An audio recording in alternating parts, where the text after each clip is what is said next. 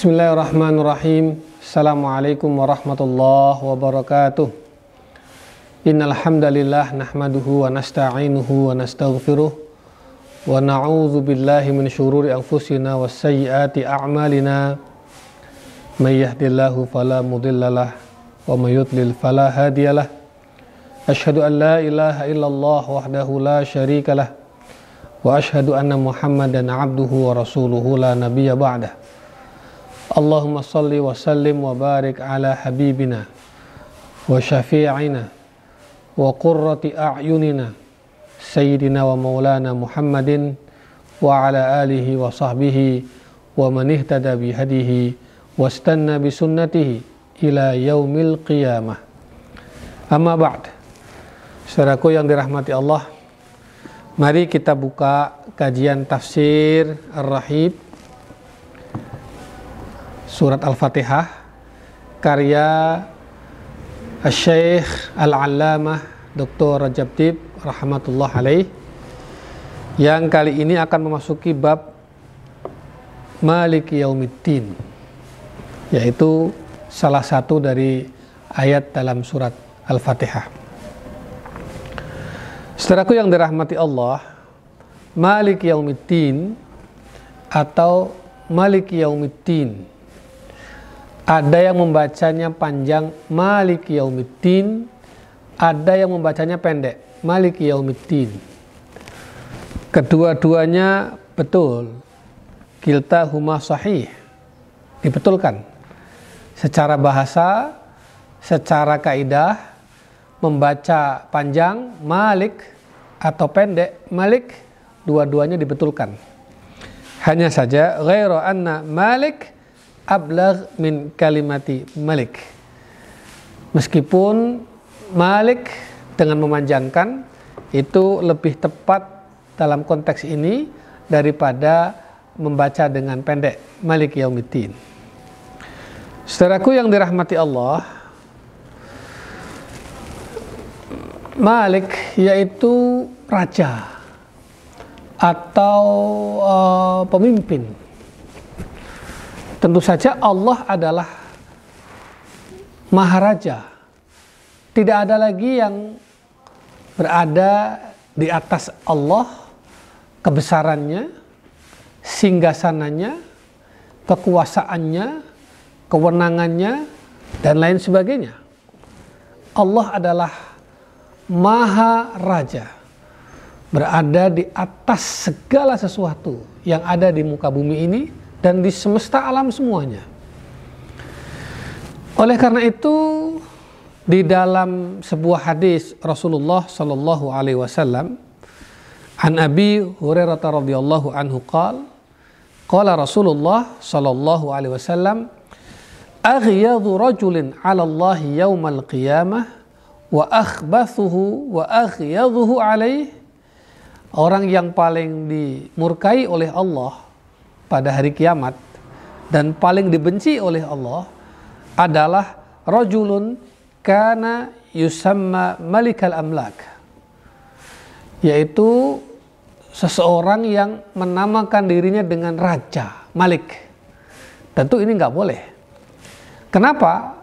La malika illallah. Tidak ada raja tidak ada pemimpin tidak ada penguasa di semesta ini selain Allah subhanahu wa ta'ala oleh karena itu, apabila akan menggunakan nama Malik, harus menggunakan Abdul Malik, hamba Allah, sang raja, hamba Allah, sang penguasa. Nggak boleh hanya dengan nama Malik saja. Pada hari kiamat, orang yang hanya menamakan dirinya dengan Malik, sama seperti kekuasaan Allah, menyamakan dirinya dengan Allah, itu adalah orang yang paling dimurka oleh Allah dan paling dibenci oleh Allah Subhanahu wa taala diriwayatkan oleh Imam Muslim dan Imam Ahmad. Dalam hadis lain disebutkan an Abi Hurairah radhiyallahu anhu qal qala Rasulullah sallallahu alaihi wasallam yaqbidullahu al-arda wa yatwi samawati biyaminih Allah menggenggam bumi keseluruhannya dan Allah melipat langit-langit dengan tangan kanannya summa yaqul Anal Malik. Akulah penguasa itu. Akulah sang raja itu. Aina mulukul ard? Mana itu raja-raja di muka bumi? Mana itu orang-orang yang mengaku penguasa-penguasa ketika berada di dunia? Artinya apa? Artinya bahwa Allah pada hari kiamat ya menantang kepada seluruh penguasa-penguasa yang ada di muka bumi ini untuk menunjukkan kekuasaannya. Ternyata tidak ada satupun yang sanggup. Malik yaumiddin ay maliki yaumil ba'thi wal jaza yaitu Allah yang menguasai hari pembalasan dan hari kebangkitan nanti. Faman ya'mal mithqala dzarratin khairan yarah wa man ya'mal mithqala dzarratin syarran yarah. Barang siapa yang berbuat kebaikan meskipun hanya seberat biji sawi, dia akan melihatnya, melihat balasannya. Dan barang siapa yang mengerjakan satu keburukan meskipun hanya sebesar biji sawi, maka dia pun akan melihat balasannya. Artinya Allah lah yang akan membalasnya pada hari kiamat nanti, pada hari pembalasan. Malik Yaumiddin. Saudaraku yang dirahmati Allah, sudah semestinya ada pembedaan yang jelas. Annahu la budda minal farqi bainal muhsin wal musi wal ta'i' wal 'asi wal muwafiq wal mukhalif. Harus ada pembedaan dong antara yang berbuat baik dengan yang berbuat buruk, antara yang taat dengan yang maksiat, antara yang memenuhi dengan yang membangkang. Wadhalika la yadhar illa fi yaumil jaza. Dan pembedaan-pembedaan itu tidak akan nampak kecuali pada hari pembalasan nanti. Akan ketahuan Siapa yang berbuat baik tentu akan mendapatkan pahala yang baik. Siapa yang berbuat jahat tentu akan mendapatkan pahala atau ganjarannya sesuai dengan kejahatannya. Semua itu akan ditunjukkan oleh Allah sebagai Malik Yaumiddin yaitu pada hari akhir kelak. A'udzu billahi minasyaitonir rajim. Bismillahirrahmanirrahim. Liyajziyal ladzina asa'u bima 'amilu wa yajziyal ahsanu bil husna agar Allah memberi balasan kepada orang-orang yang berbuat jahat atas apa yang telah dikerjakannya ketika di dunia dan juga Allah memberi balasan kepada orang-orang yang berbuat baik dengan balasan surga. Surat An-Najm ayat 31. Saudaraku yang dirahmati Allah, Ayat lain juga menyebutkan dalam surat Toha ayat 15. Inna sa'ata atiyatun agatu ukhfiha litudza kullu nafsin bima tasa. Sesungguhnya hari kiamat itu, hari pembalasan itu pasti akan datang. Tetapi waktunya disembunyikan oleh Allah agar Allah dapat memberi balasan kepada setiap orang apa yang telah dikerjakannya. Ini masih terkait dengan Allah sebagai Malik Yaumiddin. Seraku yang dirahmati Allah, fa'lam ayyuhal muslim أن من يسلط الظالم على المظلوم ثم لا ينتقم منه فإن ذلك إما لعجز أو لجهل أو لكونه راضيا بذلك الظلم. وهذه الصفات الثلاث محاء على الله. ولذلك فقد وجب أن ينتقم المظلومين من الظالمين وأن يعاقب المجرمين وأن يوبخ المذنبين والمقصرين. wa yujziya kullu syaririn bi syarrihi wa kullu mufsidin bi fasadihi wa ifsadihi. Wa lamma lam yahsul hadha fil hayati dunya illa qisasan juz'iyan faqad wajaba an yahsula fid daril akhirati qisasan kamilan adilan tuna dulam Orang yang ketika di dunia dizalimi oleh seseorang, dan dia tidak bisa membalas kedaliman itu bisa karena dia lemah atau karena kebodohannya atau karena dia tidak bisa berbuat apa-apa dengan kezaliman itu sehingga pada saat di dunia dia adalah orang-orang yang terzalimi, mazlum. Nah, orang-orang seperti ini di mana tempat mengadunya? Di dunia dia tidak punya kekuatan untuk melawan kezaliman yang menimpa dirinya. Atau dia tidak punya pengetahuan karena kebodohannya dia tidak tahu bahwa dirinya sedang dizalimi. Atau karena tidak ada lagi jalan apa pun yang bisa dia tempuh untuk melawan kezaliman itu. Maka Allah Subhanahu wa taala sebagai Malik Yaumiddin akan membalaskannya pada hari akhirat kelak dengan seadil-adilnya ya dengan hukum Allah yang maha adil Allah akan meletakkan orang-orang yang berbuat zalim itu pada satu tempat dan Allah akan menghukumi, menghakimi, mengadilinya atas kezaliman-kezaliman yang telah dia lakukan kepada orang lain pada saat hidupnya di dunia. Dan orang-orang yang mazlum, orang-orang yang terdolimi pada saat itu mendapatkan haknya kembali dan mendapatkan perlindungan dari Allah subhanahu wa ta'ala. Itu dalam kaitan Malik Yaumiddin. Saudaraku yang dirahmati Allah, Malik Yaumiddin menunjukkan bahwa pada hari itu, yaitu pada hari pembalasan, Allah adalah zat yang seadil-adilnya, yang maha adil, yang tidak ada lagi keadilan di atasnya dan tidak ada lagi keadilan setelah itu. Allah memberi keputusan dengan keputusan yang seadil-adilnya. Li yaumil qiyamah fala tuzlamu nafsun syai'ah. Allah atau kami akan memasang timbangan yang tepat kata Allah maka tidak ada seorang pun yang dirugikan. Sedikit saja tidak ada. Allah meletakkan timbangan dengan setepat-tepatnya. Artinya dengan keadilan dengan seadil-adilnya. Wa in kana mithqala habbatin min khardalin ataina biha. Meskipun hanya seberat biji sawi. Meskipun hanya kecil sekali. Wakafa bina hasibin. Dan cukuplah kami yang akan memberikan perhitungan dan pembalasannya. Saudaraku yang dirahmati Allah,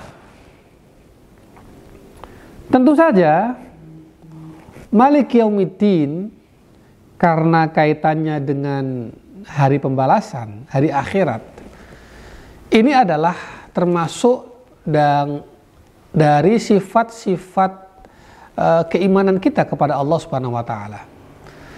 Artinya orang tidak bisa memahami Malik Yaumiddin dengan sempurna apabila ia tidak mengimani adanya hari akhirat.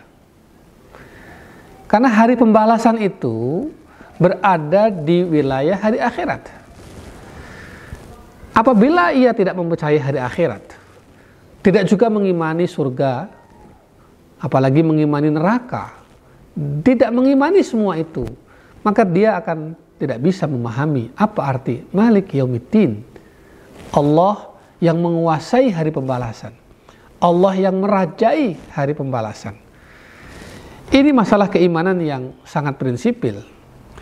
Justru, saudaraku yang dirahmati Allah, iman kita kepada hari akhir, pada surga, kepada neraka, kepada pembalasan Allah akan berdampak pada perilaku kita di dunia ini. Orang akan mencegah dirinya dari berbuat hal-hal yang maksiat dan melanggar karena ia tahu bahwa dampaknya adalah ganjaran menuju ke neraka. Sebaliknya, orang akan berbuat baik, mengumpulkan amal solehnya, ikhlas kepada Allah, mencari ridha Allah Subhanahu wa taala karena ia tahu bahwa balasan orang-orang berbuat baik, orang-orang yang taat adalah surganya. Allah memberi balasan itu semua dengan seadil-adilnya. Malik yaumiddin. Saudaraku yang dirahmati Allah, Yauma idzin yuwaffihimullahu dinahumul haqq wa ya'lamuna annallaha huwal haqqul mubin. Pada hari itu Allah akan menyempurnakan timbangan, akan menyempurnakan balasan, akan menyempurnakan hukuman, ganjaran ya dengan sebenar-benarnya. Ya, dan mereka Orang-orang kafir, orang-orang beriman itu tahu bahwa sebetulnya adalah Allah adalah sebenar-benarnya zat yang maha benar dan maha terang. Oleh karena itu, yaqulu Sayyidina Umar bin Khattab radhiyallahu anhu, hasibu anfusakum qabla an tuhasabu wazinu a'malakum qabla an tuzinu. Umar bin Khattab radhiyallahu anhu salah seorang khalifah pengganti Rasulullah Shallallahu alaihi wasallam. Apa kata Sayyidina Umar? Beliau mengatakan hasibu anfusakum qabla an tuhasabu. Hisaplah, hitunglah dirimu sebelum engkau dihitung, sebelum engkau dihisap. Artinya, ketika di dunia hisaplah dirimu, timbanglah, hitunglah sebelum engkau akan dihisap, dihitung pada hari akhirat kelak. Wazinu amalakum qabla dan timbanglah perbuatan baik buruknya sebelum nanti pada hari akhirat engkau akan ditimbang. Inna fi hadzal qaul wuduhan daqiqah. Qala hasibu anfusakum wa lam yaqul hasibu ajsatakum. Perkataan Sayyidina Umar radhiyallahu anhu ini jelas sekali ya menunjukkan bahwa hasibu anfusakum yang dihisap yang dihitung adalah jiwa bukan jasad sehingga Sayyidina Umar nggak mengatakan hasibu ajsanakum hisaplah jasadmu tidak karena jasad tidak lagi dimintai pertanggungjawaban pada hari akhirat kelak yang dimintai pertanggungjawaban pada hari akhirat kelak adalah an-nafs jiwa jiwa itulah maudhi'ut ta'ah wa maudhi'ul ma'siyah. Karena jiwa itulah yang menjadi penentu dari ketaatan atau maksiat. Jasad ini menurut saja. Ya, kalau jiwanya cenderung kepada ketaatan, jasad akan mengikutinya kepada jalan ketaatan. Apabila jiwanya cenderung kepada kemaksiatan, tentu jasad akan mengikuti saja cenderung kepada kemaksiatan. Saudaraku yang dirahmati Allah, Oleh karena itu, Rasulullah Shallallahu Alaihi Wasallam bersabda menguatkan semua ini. Apa kata Rasul? Al kayyisu mandana nafsahu wa amila lima ba'dal maut. Al kayyisu itu orang yang cerdas. Yang disebut cerdas atau orang cerdas itu adalah orang yang menghitung-hitung dirinya, ya, menghisap dirinya dan berbuat sesuatu untuk kepentingannya setelah kematiannya. Artinya orang yang cerdas adalah orang yang berbuat sesuatu dengan sebaik-baiknya untuk disiapkan bagi kehidupan setelah kematiannya. Itu orang cerdas. Wal ajizu man atba'a nafsahu hawaha wa tamanna 'ala Allah. Sedangkan orang yang lemah, orang yang bodoh adalah orang yang uh, meng, jiwanya mengikuti hawa nafsunya dan berangan-angan, berandai-andai terhadap Allah Subhanahu wa taala. Perhatikan saudaraku, orang yang cerdas. Di sini Rasulullah ya mendefinisikan cerdas bukan cerdas secara akademik, cerdas secara kognitif, tapi cerdas secara kejiwaan, cerdas keimanan, cerdas secara spiritual, yaitu mengaitkan kecerdasan itu dengan orientasi pada akhirat. Mengerjakan sesuatu untuk kepentingan hidupnya setelah kematiannya. Wal mu'minul aqil huwa man yabni wa yuhayyi akhiratahu min dunyahu. Lianna dunya dar amal wala jaza wal akhirah dar jaza wala amal. Oleh karena itu, orang mukmin yang cerdas, orang mukmin yang berakal adalah yang menyiapkan, yang membangun sesuatu untuk akhiratnya dari dunianya ini. Andai kata ia adalah orang yang pandai, kaum cerdik pandai, dia akan menggunakan kecerdikan dan kepandaiannya untuk kepentingan akhiratnya. Andai kata dia seorang penguasa, dia akan menggunakan kekuasaannya untuk kepentingan akhiratnya.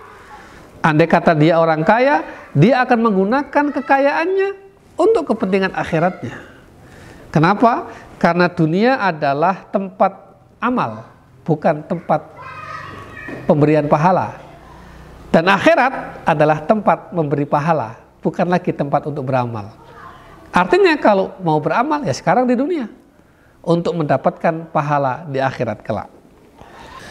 Maka dari itu semua Rasulullah Shallallahu Alaihi Wasallam berkali-kali mengingatkan kita, ikhtanim khamsan qabla khamsin. Peliharalah lima sebelum datangnya lima hal yang lain. Syababaka qabla haramika. Masa mudamu sebelum masa tuamu Wasihataka qabla sakamika, masa sehatmu sebelum masa sakitmu. Waghinaka qabla fakrika, masa kayamu, masa lapangmu sebelum masa miskin dan masa sempitmu. Wa faraghaka qabla syughlika, masa luangmu sebelum masa sempitmu. Wa hayataka qabla mautika, masa hidupmu sebelum datangnya masa kematianmu.